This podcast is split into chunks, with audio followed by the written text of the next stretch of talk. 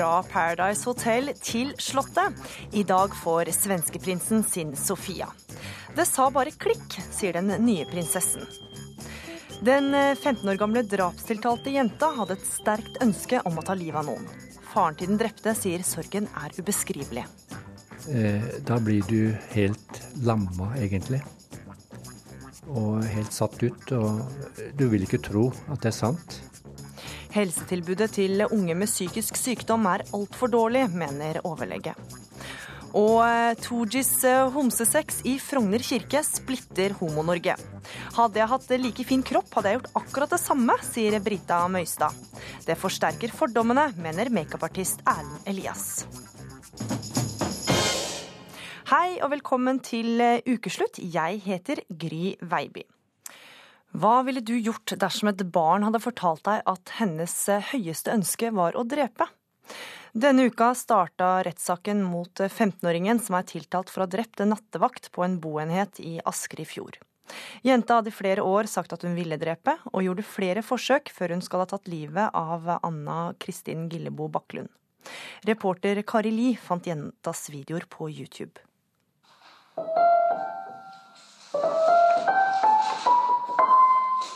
Ei jente filmer seg selv mens hun spiller piano i det som ligner et lyst klasserom.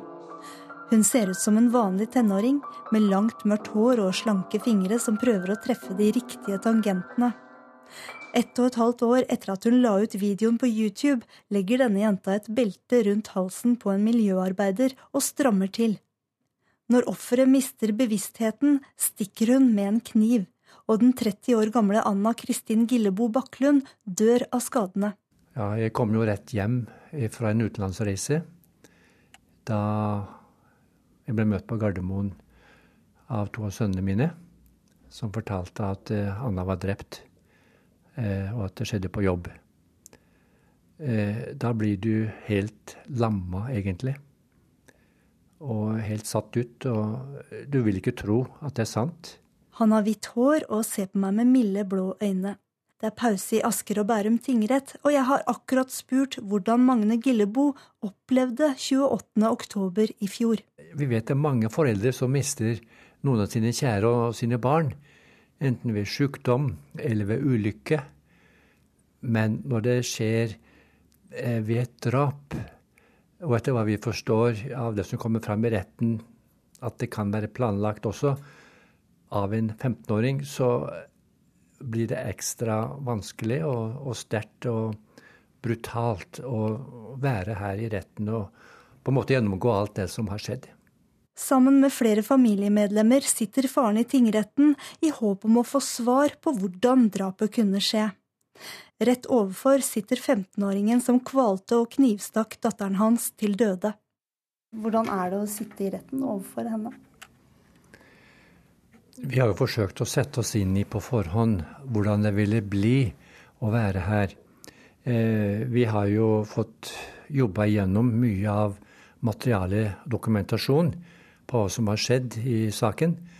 Og på den måte eh, er forberedt på hva som kommer opp her. Eh, men en slik forberedelse tar på ingen måte bort det som er smerten og, og som er det vanskelige og tunge i, i denne saken. I retten får vi høre vitner fortelle om ei jente som fra tolvårsalderen jevnlig uttrykker at hennes mål i livet er å drepe et annet menneske. Hun hogger sin egen far i brystet med øks, hun prøver å kvele to kvinnelige miljøarbeidere, andre blir trua med kniv, høygaffel og machete. Alle vitnene forteller det samme at jenta uttrykte ønske om å drepe noen, og at hun virka gira og glad etter voldsepisoder. Og den første som møtte henne etter drapet, forteller om ei jente i lykkerus. 15-åringen som blir omtalt, sitter i den hvite rettssalen og lytter rolig til det som blir sagt. Eh, det med at hun, at hun ikke fremstår, at det går inn på henne, det er nok fordi de ikke kjenner henne så godt fra før. Eh, vi som har vært mye med henne, ser jo at eh, det her går inn på henne. Advokat Cecilie Nakstad mener at aktor og de sakkyndige tar feil når de mener jenta var tilregnelig, og at hun kaldblodig planla drapet på miljøarbeideren.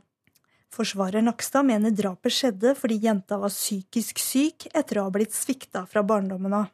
Jeg kan jo peke på de tingene som, eh, som, jeg mener har sviktet, og som har vært delaktig i at dette gikk så galt. Og da er det jo for det første at jenta ikke har fått eh, riktig behandling. Hun har ikke fått riktig ramme rundt seg, omsorgsdelen som barnevernstjenesten hadde ansvaret for. Og sikkerheten har ikke vært bra nok. På YouTube sitter jenta på senga i et mørkt rom, kun lyst opp av dataskjermen. Hun er svart kledd, har svart neglelakk og hilser med pekefingeren og lillefingeren. Hun sier hun kjeder seg, og forteller så at rommet hennes er som et vanlig rom, bortsett fra at det er alarm utafor den forsterka døra. Så røper hun at hun ikke lenger har fire vakter, men tre når hun skal ut av huset. Pausa er over, og jenta, som er nokså liten av vekst, setter seg mellom faren og forsvarerne sine. Hendene hennes er i håndjern som er festa til livet. Bak sitter politibetjenter som skal passe på at 15-åringen ikke blir voldelig. Politiet har regna jenta som ekstremt farlig siden hun var tolv. Vi vet jo ikke helt hvor mye Anne Kristin visste. Men uansett så tenker jeg det er arbeidsgivers et ansvar da, å sørge for at uh, at man tar alle forholdsregler. At det, er ikke arbeidstakeren, men det er arbeidsgiveren som har ansvaret for å sørge for at eh, man blir opplært, man blir eh, så bevisst på, på, hvor farlig en person er, da, som i dette tilfellet. Og det, det lurer vi veldig på da, om det er blitt gjort i tilfellet her. Den drepte miljøarbeiderens bror, Amund Gillebo, har mørke, alvorlige øyne. Han vil vite hvorfor søsteren hans var aleine som nattevakt med en 15-åring som var så tydelig på at hun ville drepe. Jeg ser på henne som så unik og, og farlig at jeg ikke kan helt forstå at man kan være trygg om et ti år, et eller annet, at man kan uh, slippe henne ut. Og det tror jeg mange som følger saken uh, også vil være usikre på, altså. Siden oktober har vi sett bilde av henne i avisene. En smidende, vakker kvinne med blomsterkrans på hodet. I retten denne uka sa enkemannen etter Anna Kristin Gillebo Bakklund at han også døde den dagen hun ble drept. Det var som om sjelen bare forlot kroppen. At det er så smertefullt at det ikke går an å beskrive. Det er like vanskelig nå som det var like etterpå, egentlig. Far Magne Gillebo skulle så gjerne visst alt det han vet nå, i fjor høst. Det er klart, hadde vi visst på forhånd hvordan situasjonen kunne være rundt en slik pasient eller klient, så øh, klart vi hadde villet frarådt Anna Kristin å begynne å jobbe der. Avdelingsleder for eh, barne- og ungdomspsykiatrisk avdeling ved Oslo universitetssykehus, eh, Trude Fiksdal. Du kan ikke gå konkret inn i denne saken, men eh, hvor spesielt er det at barn og unge er så voldelige? Det er veldig spesielt.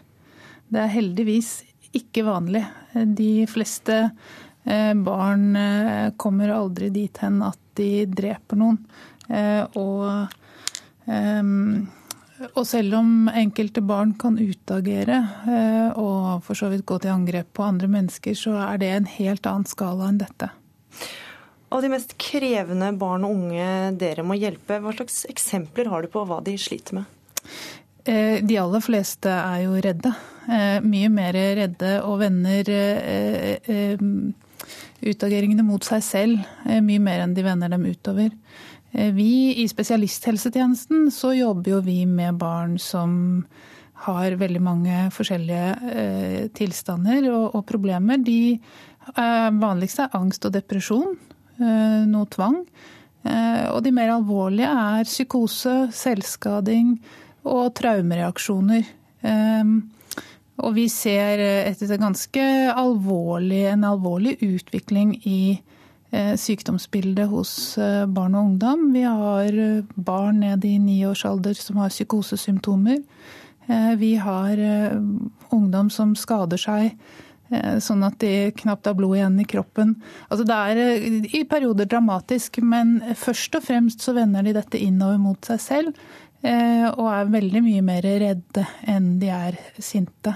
Og hvordan kan vi som foreldre og søsken unngå at barn blir så sårbare og aggressive, eller? Ja, altså Det er et kjempedigert spørsmål. Men mm, det jeg tror er veldig viktig, i tillegg til å være trygge voksne, forutsigbare rammer og, og, og ja, gode omsorgsgivere på den måten, det er at man lærer barn å regulere følelser. Og både tåle og regulere følelsene sine. Og for at vi skal lære det, så må noen andre tåle følelsene våre. Eh, og det ser vi ofte, at barn som utagerer, enten de vender det innover eller utover, de strever med å tåle og håndtere og forstå sine egne følelser. Så det er en slags fellesnevner for ja, veldig mange psykiske lidelser hos eh, barn og unge. Du sier at de færreste vender det ut mot andre. Men hvordan behandler man en som er aggressiv og vil skade eller drepe? For det første så må man jo tenke at det kan skje. Og jeg tror jo at vi eh, dessverre eh, kanskje er litt naive, samtidig som det er såpass sjelden at eh, ja, har, I medisinen når vi blir leger, så har vi et uttrykk som heter 'når du hører hovtramp, tenk hest, ikke sebra'. Eh, men i dette tilfellet så må vi kanskje også av og til tenke tanken sebra. Mm. At det kan være noe annet det kan det det være, og da må vi ha eh, en, en kunnskap, en kompetanse, for å oppdage det. Så det er, det er, det første vi må gjøre.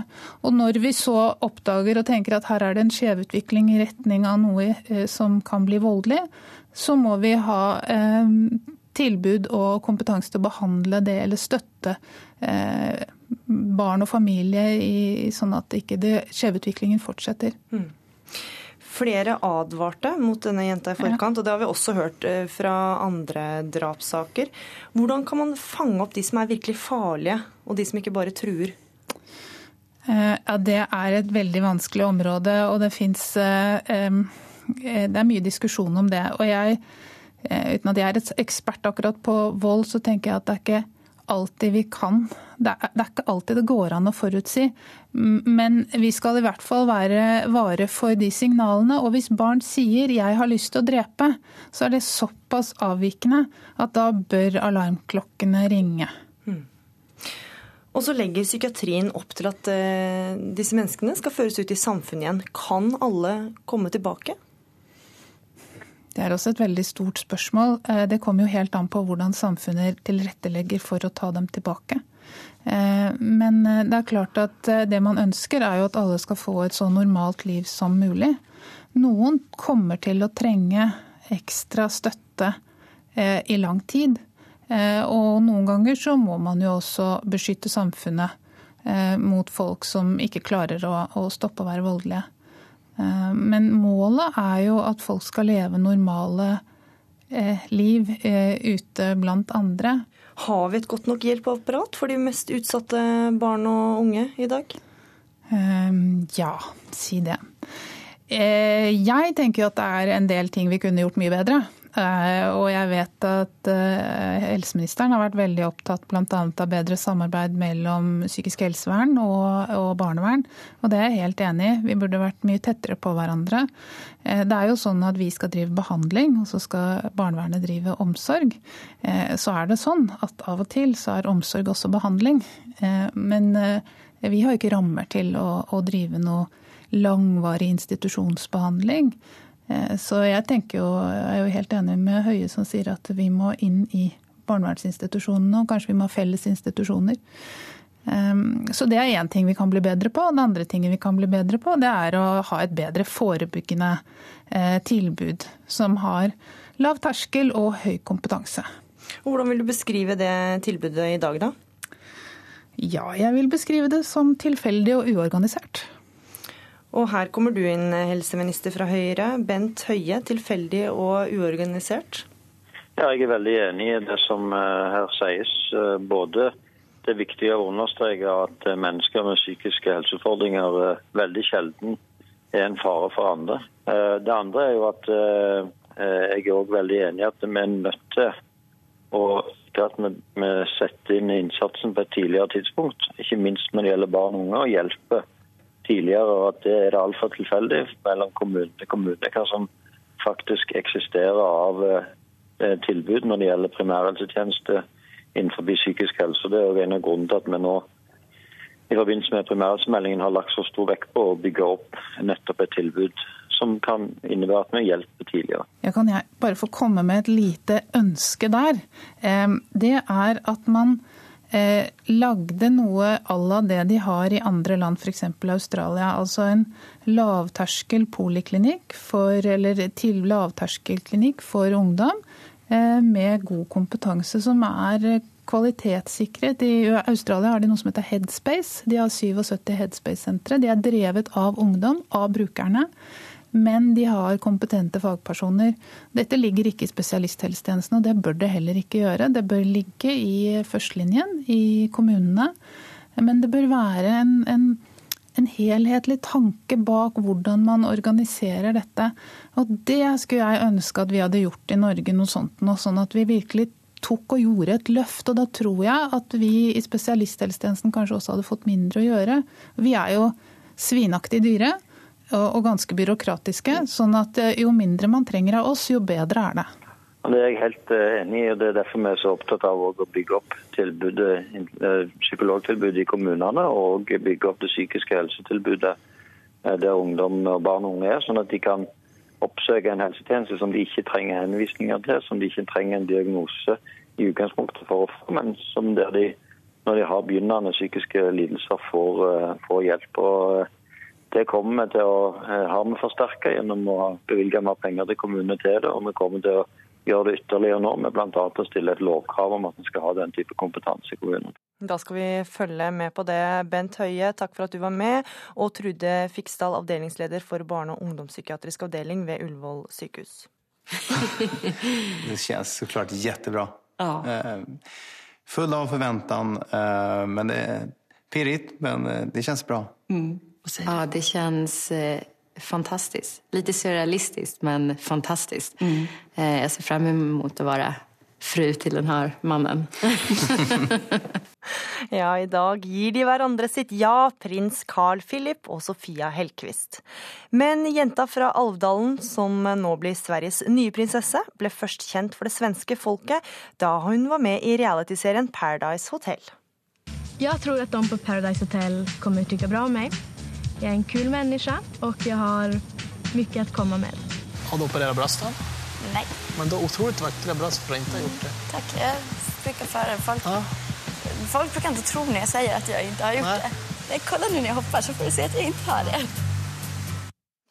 Ja, halv fem i ettermiddag går hun altså opp kirkegulvet i Slottskyrkan i Stockholm. Og NRK-reporter Kristi Marie Skrede. Hvordan er bryllupsstemningen i den svenske hovedstaden få timer før det hele skjer? Eh, Stockholm er først og fremst prega av at det er nydelig sommervær i dag. Eh, sola skinner fra blå himmel, og det er lett å være til akkurat her nå. Det er avventende stemning rundt Slottet. De ivrigste har tatt oppstilling på Slottsbakken, men det er fremdeles god plass eh, rundt Slottet og rundt den kortesjeruta som de nygifte skal kjøre i ettermiddag. Og Vi skal selvsagt følge med på dette på NRK utover dagen, men hva kan folk vente seg? Jo, de kan først og fremst vente seg eh, en eh, storslått uh, vielse. Gjestene har fått beskjed om å bære diadem, så det blir masse fint å se av kjoler og av juveler. Og så er det jo brura, da, som mange har store forventninger til skal være eh, aldeles eh, nydelig vakker. Eh, kjolen er alle veldig spent på. Ingen vet hvem som har designet den. De fleste forventer svensk design i dag, siden hun bar eh, libanesisk design i går. Eh, så det er mye, my, mye, stas i vente, og det blir en eh, klassisk vigselseremoni i, i kirka med alt som hører til der. Det går rykter om at forfesten holdt på langt ut i de små timene i natt. Det er kanskje noen av gjestene som er litt slitne i dag? Ja, det blir jo sagt at eh, når en blir invitert til et sånt bryllup, så snur en klokka, skru, skrur en klokka etter det. Brudeparet var altså på festen til etter klokka halv fire eh, i natt, så, så de òg tok han helt ut. Eh, men det er sånn det bruker å være i kongelig bryllup. Det starter dagen før dagen. Vi eh, skal høre mer fra deg i løpet av dagen her på NRK. Takk for at du var med i denne omgang, Kristi Marie Skrede. Vi har også med oss eh, Mark Levengood. Du er vel akkurat ferdig eh, med sminken, for du skal lede direktesending fra prinsebryllupet for SVT? Det er aldeles sant. Nå er jeg ferdig med sminken. Der. Jeg sitter, sitter i min losje og titter utover Slottsbakken og folk som samles, og det er blågule flagger som, som fladdrar mot en alldeles blå himmel och det är helikoptrar uppe och det kommer flotta bilar nu, svarta bilar åker in mot slottet och man förstår att fint folk börjar närma seg nu, så det er mye spennende. Men dette er jo da en tidigare glamourmodell og realitystjerne som nå blir prinsesse i Sverige. Hvordan har svenskene tatt imot Sofia? Veldig bra. Eh, altså, det er klart at Sofia har glamour, glamourmodell, men hun har også vært veldig mye annet. Og hun er en veldig modern flicka med skinn på nesen. og og, og der har Norge på sett og vis gått føre. Jeg mener, De har en kronprinsesse som også har et forflutet. Eh, og, og, og, som har vist at det faktum at man har gjort saker i sitt liv, kan komme til stor nytte i kongelig tjenest. Så at, jeg, jeg tror at vi kan ikke henge på noen viktorianske vurderinger om vi på alvor vil ha et kongelig dag. tror jeg. Vi skal ta inn tidligere redaktør i Norske Ukeblad, Astrid Gunnestad, som eh, humra litt her. Hvordan vil du beskrive dagens brudepar? Ja, nei, altså Først og fremst vil jeg jo gratulere svenskene med en prinsesse fra Paradise Hotel. Det er jo ganske morsomt, for jeg, jeg tenker som så at endelig har monarkiet innsett at de tilhører underholdningsbransjen.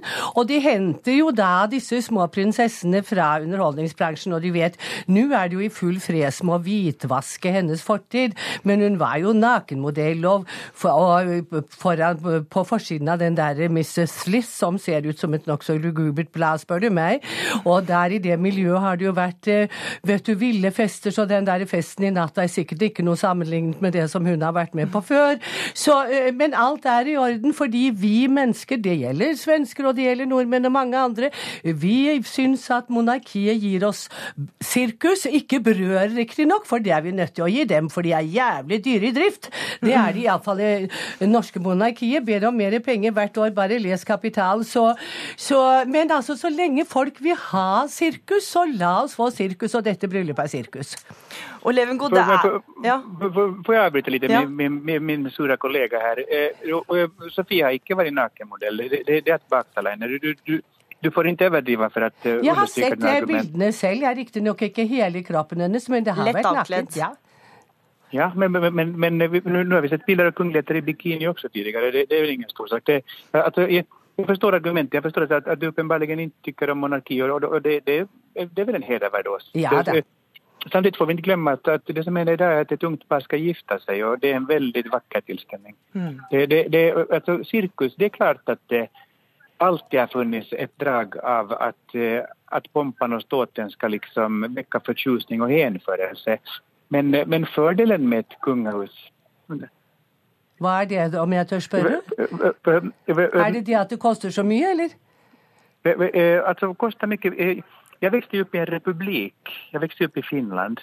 Og, og et presidentembete koster jo like mye. Men, men, men, men en av fordelene med, med, monarkien er jo den at, at at Sverige får en helt annen profil mot utlandet. Folk er veldig mye mer intresserade av, av, av et kungahus enn av, av, en finsk president. Vi skal ikke gå inn i hele den debatten nå, Levengood, men, men, hvor stor er interessen i Sverige for dette bryllupet? Er alle like, like fornøyde og glade som deg i dag? Eh, alltså, eh, jag, jag, är ju väl inte glad och förnöjd. Jag, jag är hemskt spänd inför mm. vår nio, nio timmars maratonsändning eh, mm. som, som så, eh, och, och, eh, men på det stora hela, så jag vet ju, jag, jag ledde ju också kronprinsessans bröllop samt prinsessan Madeleines bröllop och vi har ju haft en tittning i snitt över tre miljoner svenskar som följer sändningarna vilket gör att, att engagemanget är ju enormt. Mm. Och, och, och, och sen, sen, är det inte sagt att var och en av dem eh, liksom, skulle säga att de är monarkister men, men däremot så finns det en samlande funktion dagar som denna där vi samlas i glädje och, och jag har ju också varit med om när, när nationen samlas i sorg till exempel efter Estonia och, och efter tsunamin då, då kungahuset också spelar en väldigt viktig roll som en slags enande symbol. Eh, så, så, så att, att, vi, vi, ska inte, vi ska inte bara nöja oss med vulgärtolkning utan, utan republik har många fördelar. Monarki har også fordeler. Men, du vet det, kjære deg, at man trenger forbilder, og det er vanskelig å se forbilder. De som når til topps i politikken, har jo vist noen ting. Og de som kommer fra underholdningsindustrien, har vist noe annet som ikke akkurat er et forbilde. Men jeg er demokrat, så jeg syns det er greit ja, at man har monarki så lenge folket vil ha det. Men at det er sirkus, det er unnskyld meg, det kan du ikke ta fra, ta fra meg. jeg, jeg, er ikke sikker på om, om, om sirkus har samme betydelse på norsk som på svensk. Men, men, men men, men eh, det, altså, det, det, det, finnes et drag av underholdning på det viset, som det alltid har funnits med. At, at, at brød og skuespill til folket, men det finnes, det, finnes like mye i en republikk, om det er det som er men, viktig. Men, men Levengod, tilbake til kvelden i dag. Lytteren og seeren får sett ganske mye av bryllupet i dag, gjør de ikke det? Kall meg heller for, for, for, for. Det er formelt å kalle meg for Levengod. Hva sa du for noe nå? Kalla meg heller for Marken for Levengård. Å oh, ja, Mark, ja. ja. Takk, snille. Ja, det, det, vi får se ganske mye av bryllupet i dag, gjør vi ikke det? De har åpnet opp. Vi, vi, vi, vi kommer til å se veldig mye av, av bryllupet. Det er brudeparets uttrykkelige ønske at, at, alle skal være velkomne. Og det mener vi også alle i Norge.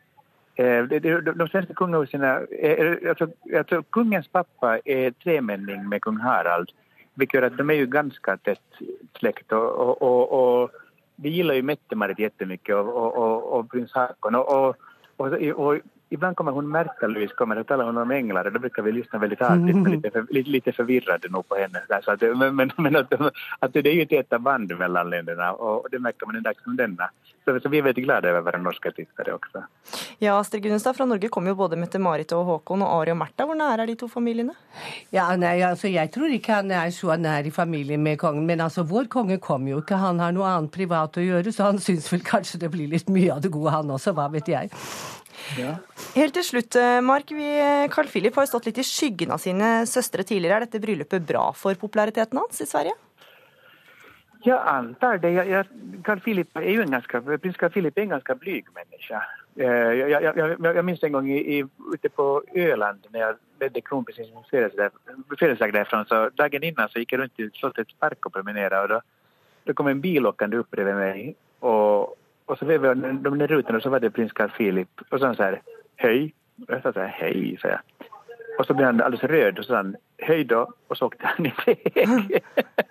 Så att han är ju en ganska blyg människa. Och, och, och, og, mange i familien, mange Etembernarådet har jo kämpa med en blygsel. Altså, kungen er jo også litt blyg av seg, Men, men, men jeg, jeg, jeg, tror at i og med at de er tre syskon så kan de spille ulike roller. Og, ja. og Carl Philip er väldigt omtykt i Sverige. Tusen takk eh, for dette, Mark Levengod. Da ønsker jeg deg lykke ja. til med direktesendinga. Takk også til deg, Astrid Gunnestad. Hele bryllupet kan du følge på NRK1 fra ti på fire. Du hører på Ukeslutt her i NRK P1 og P2, og det må du fortsette med. For den neste halvtimen skal vi by på følgende. Frp vil ha folkeavstemning om Norge skal ta imot syriske flyktninger. Trist, mener Norsk Folkehjelp. De er bare redd for at folk er enige med oss, svarer Carl I. Hagen. Og det blir debatt om ukas mest omtalte Ut av skapet-videoer. 2G gjør det vanskeligere for andre homofile, mener makeupartist. Etter uker med dragkamp eh, og oppheta debatt ble flertallet på Stortinget omsider enige om hvor mange flyktninger Norge skal ta imot fra Syria. Men regjeringspartiet Fremskrittspartiet var ikke helt begeistra. De foreslo at det heller bør holdes folkeavstemning om vi bør ta imot eh, flyktninger. Ukeslutts reporter Linn Beate Gabrielsen oppsøkte folk midt i sommerkosen på Aker Brygge for å høre hva de syns om forslaget. Det syns jeg ikke at vi skal ha. Jeg syns vi skal uh, hjelpe de flyktningene. Det er det minste vi bør gjøre i Norge. Eh, jeg syns vi burde hjelpe folk som trenger hjelp uansett. Jeg tror ikke vi trenger noen folkeavstemning på det. At Frp ønsker å ta eh, folkeavstemning, det tror jeg er mest fordi at de ikke ønsker å ha, ta imot de flyktningene. Skal folket bestemme det, eller politikerne?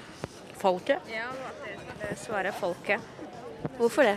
Jeg syns de blir mer rettferdige. Hva ville du stemt da, hvis det hadde blitt en sånn folkeavstemning? Jeg syns vi skal ta vare på de vi har her, først og fremst. Jeg, og skaffe dem eh, komme ut fra mottakene og sånt. og de Mange har bodd her i fem år. altså. At vi skal ha det hit. Eh, altså 8000, utgangspunktet 10 000, det koster 20 milliarder. milliarder. Fullstendig feil.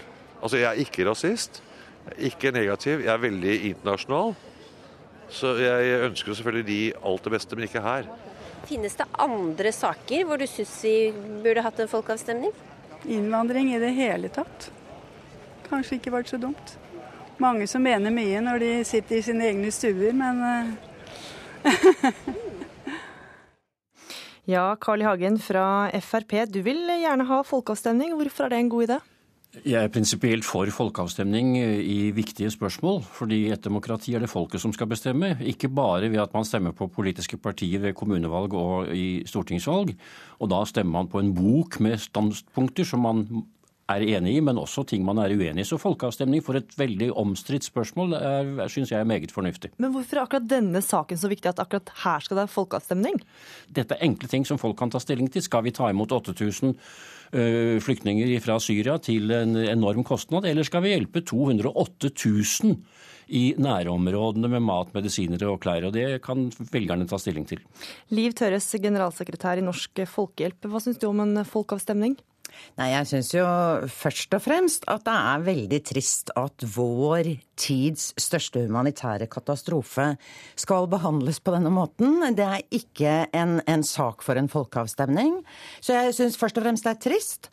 Og så har jeg lyst til å legge til at jeg og vi har full tillit til våre politikere. Disse forhandlingene som nå har pågått og ble avsluttet for et par dager siden med en avtale, de ble avsluttet med en avtale som, som enkelte av oss selvfølgelig skulle ønsket var bedre. Men vi har jo allikevel full respekt til at Partiene gjorde en ordentlig jobb, det var krevende forhandlinger. Eh, det er en vanskelig sak. Eh, og selv om vi ikke er enig kanskje i 100% av den avtalen, så, er det jo ikke sånn at vi da kan furte på sivilsamfunnssiden og si at nei, da vil vi ha en folkeavstemning. Så er det i tillegg noe med at vi har et parlamentarisk system her. Vi har valg hvert fjerde år. Eh, partier sitter på Stortinget som jeg ikke er enig i alt de gjør på enhver sak. Jeg kan ikke si da hver eneste gang jeg er uenig at nei, da vil vi ha en folkeavstemning. Dette er i tillegg en svært kompleks sak. Eh, folkeavstemninger er best egna for enkle ja-nei-spørsmål. Eh, det blir dyrt, penger vi heller kunne brukt på en annen måte, men det er først og fremst trist, tenker jeg, dette forslaget. Og det undergraver den tilliten som vi og jeg har til politikere, enten vi er enige med dem eller ei. Jeg er helt sikker på at de politikerne som sitter på Stortinget, de har en ansvarsfølelse og respekt i forhold til de oppgavene de er satt til å løse.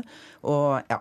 Ja, Hagen, altså Et bredt flertall på Stortinget vil jo ta imot eh, flere flyktninger. Hvorfor eh, ikke De er jo våre folkevalgte. Ja, det er helt riktig. Men når det er omstridte saker, som, eh, og jeg er som jeg har sagt, prinsipiell tilhenger av å ha flere folkeavstemninger, og det er ikke dyrt når vi har det samtidig med et kommunevalg eller et stortingsvalg. Det har vi demonstrert i Oslo at det var nesten ikke noe ekstrautgifter ved å ha det. Og det er mange land som praktiserer at folket er med på å bestemme, og dette er etter min oppfatning en enkel sak. De pengene Hva skulle der, spørsmålet vært da? Hva ja, annet skal vi ha folkeavstemninger om da? Formuesskatten, ta bolker av statsbudsjettet? Nei, nei, nei, mange ting man kunne ha det om. Men her er det da kommet et konkret forslag i en omstridt sak som har vært i, i, i nyhetene nå veldig lenge, og som er enkelt. Bør Norge ta imot 8000 flyktninger fra Syria over tre år? Ja eller nei? Du innfører nå et enten-eller-prinsipp. Enten så må vi hjelpe noen her, eller så må vi hjelpe så og så mange der nede. Vi har sagt hele veien at det er ikke enten-eller, det er både og. Fordi at vi har På den ene siden så har vi snakk om eh, så snakker vi om 12 millioner mennesker på flukt. De aller fleste av de er vi helt enige med Frp i at må hjelpes i Syria og nærområdet. Det er det ingen uenighet om. Men så sier vi i tillegg at det er 380 000 mennesker ca. som høykommissæren sier ikke kan hjelpes eller beskyttes i nærområdene. De sier høykommissæren og FN trenger å komme ut. Og det betyr at dette er ikke en enten-eller-diskusjon, og da blir den på en måte langt mer kompleks allerede. Og du har lagt inn premisser for en folkeavstemning som ikke er mulig å tilfredsstille. Ja, Karl Jagen, Hva med dem som ikke kan eh, hjelpes i nærområdet? Vi kjøper ikke alt det som kommer hvis du setter bokstavene FN foran, at det betyr at det er, er riktig. Det er klart, du kan hjelpe mye mer i nærområdene for de pengene vi har. Eh, det er uomtvistelig. 26 ganger så mange kan hjelpes for den samme, samme, samme summen. Og dette er jo Ole Brumm svaret ja takk, begge deler. Det er klart, Ole Brumm sa aldri det. de, de pengene det koster å ta imot hit, er jeg villig til å bruke der nede. Og da hjelper gjennom din organisasjon og andre hjelper vi 26 ganger så mange som å la noen få en gullbillett til Norge, i tillegg til å lage utfordringer for oss i fremtiden. Men tilbake til folkeavstemningen. Liv Tørres, du er jo ikke videre imponert over eh, politikernes flyktningdugnad så langt. Vil ikke et folkeavstemningsja da kunne gi både mer bistand og flere flyktninger? Jeg har ikke tro på at folkeavstemning løser dette. Jeg har tro på at ansvarlige politikere på Stortinget, som vi alle har vært med på å stemme inn, vil finne en løsning på dette. Jeg våger den påstanden at det de øvrige partier og det du er redd for Dere er redd for at folket er mer enig med Fremskrittspartiet enn med dere. Dere er redd for folket, og det er ikke noe god holdning i et demokrati. Vet du hva? Jeg tror det er lite Altså, du kan ikke beskylde Norsk Folkehjelp for, for å være redd for folket.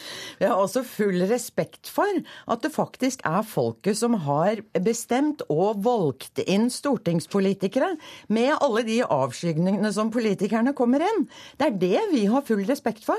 Og vi har i tillegg tillit til at de kan avgjøre dette med noen svakheter her og der, men, er, og uenigheter, men de, jeg har full tillit til at de kan håndtere det og implementere beslutninger. Helt til slutt, eh, Karl Jagen. De andre partiene har jo ikke har sagt at de ikke vil ha folkeavstemning. Dere er ikke bare ute og flotter dere litt da, og markerer dere i denne saken? fremme våre synspunkter og våre forslag, så man vet hvor man har Fremskrittspartiet. Vi er ikke redd for folket, og vi overlater trygt dette til folket som skal finansiere det, og alle kommunene i realiteten som får alle problemene, og som i dag ikke greier å å få bosatt de 5000 som sitter i mottak og som venter på å komme dit.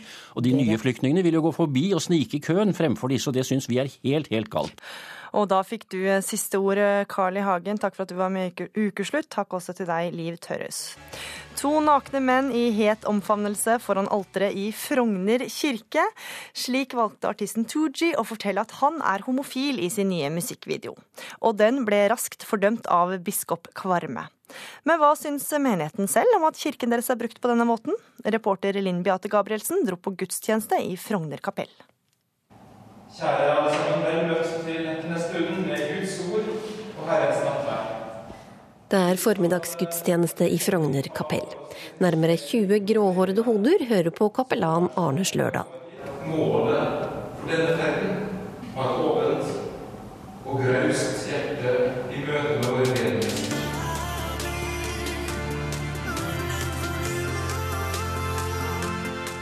Det var noe ganske annet menigheten i Tujis video Storøyd fikk servert. Svart-hvitt-videoen viser en mannlig prest og Tooji i en het naken omfavnelse foran alteret i Frogner kirke. Menigheten ser overrasket, men smilende på. Og rundt paret vokser det fram to gigantiske englevinger. Provokasjon i kunstform er ofte det som når ut til ganske mange flere mennesker. For meg er ikke dette provoserende. Dette viser kjærlighet mellom to menn og viser en veldig vakker historie som viser at homofili er også hellig. Mm.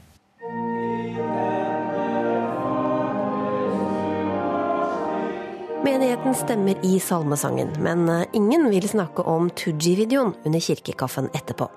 På gata utenfor kirken derimot er folk mer snakkesalige. Jeg syns ikke det går an å drive sånn. Nei, Hvorfor ikke? Nei, fordi at jeg sier kirken er et hellig sted, og det har ikke noe med, med sånne unge, moderne sexorienterte mennesker. Men han mener at uh, kirka gjør det vanskelig for homofile å, å, å stå fram? homofilitet å gjøre, det er bare det går ikke an å ha, ha en sånn opptak inni en kirke. Den er jo ganske grafisk, men uh, det setter jo uh, religion og homofili på agendaen. Og det er noe jeg syns er bra. Trengte kirken det sparket der? Ja, det tror jeg. Altså jeg tenker sånn at eh, Hvis du skal inn i noen andres hus, så er det deres regler som gjelder. Og da skal du respektere dem. Det er egentlig det som er prinsippsaken, sånn jeg ser det. da. Jeg syns det var en litt spesiell måte å komme ut av skapet på. Men um, jeg skjønner ikke at Frogner kirke har sagt ja til det. Det er så trist at alltid de kjekkeste gutta, de er homo. Bare rett og slett veltet ut av skapet. I Frogner kirke.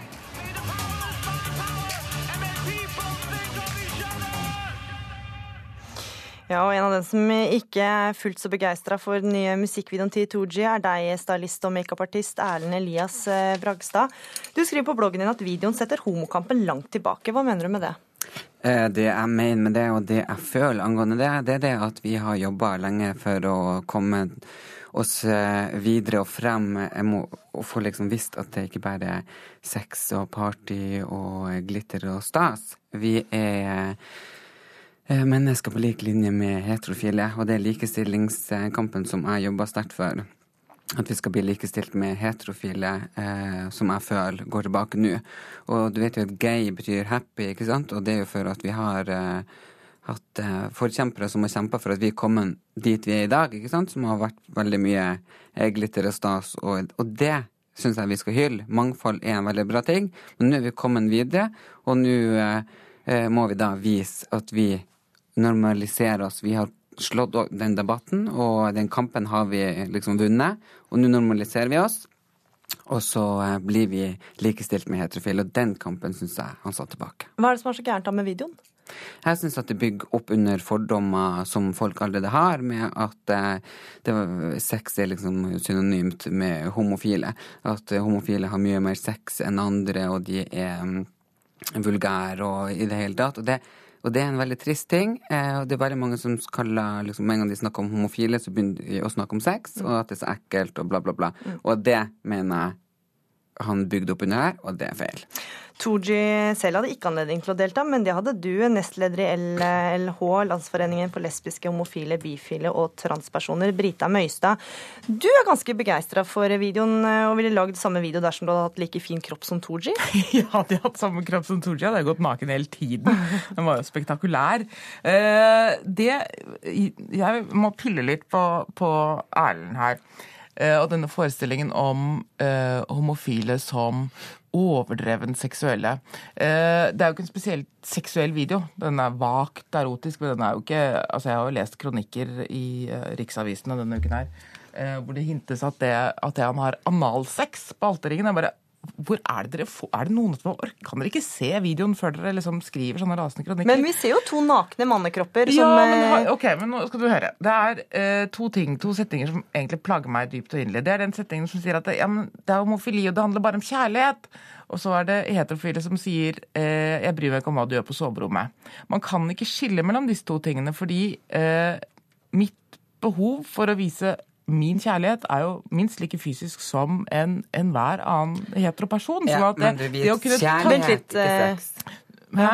Du kan vise kjærlighet, men ikke sex. Nei, men Dette er jo ikke sex, Erlend. Dette er jo erotikk, dette er lidenskap, dette er begjær. Dette er en av de mest grunnleggende driftene som vi mennesker har. Og hvis Tooji eh, som homse må undertrykke den fordi at det, eh, du eh, og andre som minoritetsstresser eh, Eh, rundt sin egen legning, eh, og, og heteroer syns at dette er vanskelig, så er det veldig synd. Men han skal ikke under noen omstendighet måtte dempe sitt Altså, ingen, sitt uttrykk for begjær eller lyst. Det, det er en del av kjærligheten. Dempe, det er ingen som skal dempe sitt behov for for begjær og bla, bla, bla i det hele tatt. Det skal du ikke dempe på noen slags måte. Det skal du ikke være nødt til å dempe. Jeg jobber masse med samisk homofile, og jeg snakker liksom om det at du må tørre å være deg sjøl, du må gå ut, og så må du være det.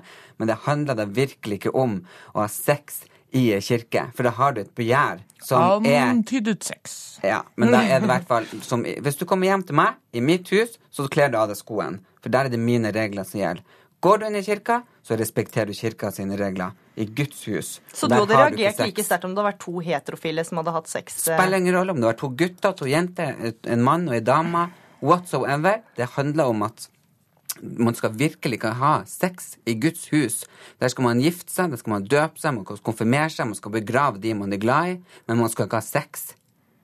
Er ikke det et poeng, eh, Britta? Eh, jeg noterer meg at det var mange eh, av eh, ja, hva skal vi kalle dem da, ateist-sosialist eh, Charlie-menneskene. Eh, som var, eh, og som jo vanligvis er svært oppsitt på, på, kirken og dens holdninger, eh, og kaller dem mørkemenn og sånne ting, som plutselig var fortørnet på kirkens vegne. Mm. Og at dette rommet var så grenseløst hellig at man ikke kunne gjøre noen ting i det, og i hvert fall ikke provosere det, for det kan man jo ikke gjøre. Og da ble jeg sånn, selvfølgelig kan man det. Hvis ikke så skjer det jo ingenting. Med, og, så var det også dette man måtte ha respekt for folks tro og, um, ja, og rom i seg selv, da.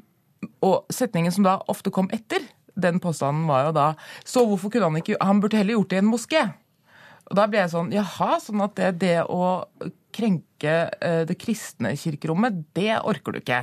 Eh, men du synes ville vært kjempestas hvis han hadde gått og gjort dette i en moské. Og det, en av de som foreslo det med moské, er jo nettopp deg, Erlend Elias. Ja, men jeg har ikke lyst til å gå så mye inn på det, eh, fordi at jeg har jo, det, du, du, ja. du, sender jo et dobbeltsignal, for det betyr Nei. at det, jo, men gå og gjør det i en moské. fordi den troen og det rommet er ikke så hellig for meg. Men jo, det, det har ikke noe med det å gjøre. Han hadde en far som var muslim, en mor som var kristen, og derfor jeg spurte om det.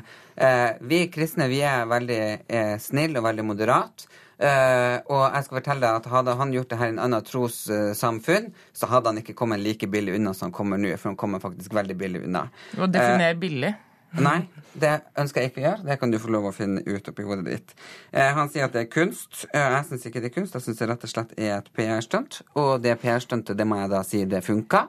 Eh, for han får jo maksimal PR for videoen. Film. Men er det ikke samtidig litt fint å vise fram det som mange opplever som rart? For du sier jo at dette nettopp bygger opp under fordommer. Altså, ja, men fordom, liksom Fordommer mot homofile. Ja. At man er vulgær. Du syns at Ja. Er det, mener du, Hva syns du, Brita? Er det ikke At dette er en vulgær video, eller at det folk Nei, nå at, til å at Nei, det er det ikke fint å vise fram det som mange opplever som rart. Altså, Denne videoen viser jo fram det som mange syns er rart, nemlig homofil kjærlighet. Altså, ja, det, ja, Men jeg tror ikke det er mange som, som reagerer på at homofil kjærlighet, men det, de som vi snakker om, som hun kaller det, liksom mørkemenn, som Mm. har liksom jobba mot oss at ikke vi skal få lov å gifte oss i kirka og sånn, det er dem, ikke sant, som vi Ja, kaster er jo, bensin jeg på bålet til. men det er jo ikke til. de vi sitter og venter på, Erlend. Det finnes Jo, for det er jo nytt kirkevalg nå til høsten, ikke sant? Og da hadde jeg en ønske om at man da skulle få en ny eh, lovendring, slik at man får lov å gifte seg i Ja, så du mener at det, fordi at det Tooja har påpekt at dette fremdeles finnes uh, ubegripelig gammeldagse holdninger i kirken, så kommer disse til å gå enda lenger tilbake igjen. Altså Kirken har blitt tvunget fra skanse til skanse, ikke fordi at det man har sittet og sagt stakkars kirken, vi må ta hensyn til den, den er jo så, er jo så gammel og skrøpelig. Kirken har måttet flytte seg fordi det har stått mennesker og hamret på kirkedøren og sagt at det, vi vil inn. Denne debatten kommer garantert til å fortsette flere steder. Takk til deg, Erne Elias Bragstad og Brita Møystad. Som vi hørte tidligere i sendingen, så bekrefter politiet i Sverige at det er den savnede 17-åringen Lisa Holm som er funnet død utenfor Linköping. To personer er pågrepet og mistenkt for drapet. Det svenske politiet holder snart pressekonferanse, som du kan følge på våre nettsider nrk.no. Ukeslutt er slutt. Takk for at du hørte på. Ansvarlig for sendinga var Lilly Fritzmann. Teknisk ansvarlig var eh, Guri. Og her i studio satt Gry Veiby. Ha en fortsatt fin dag.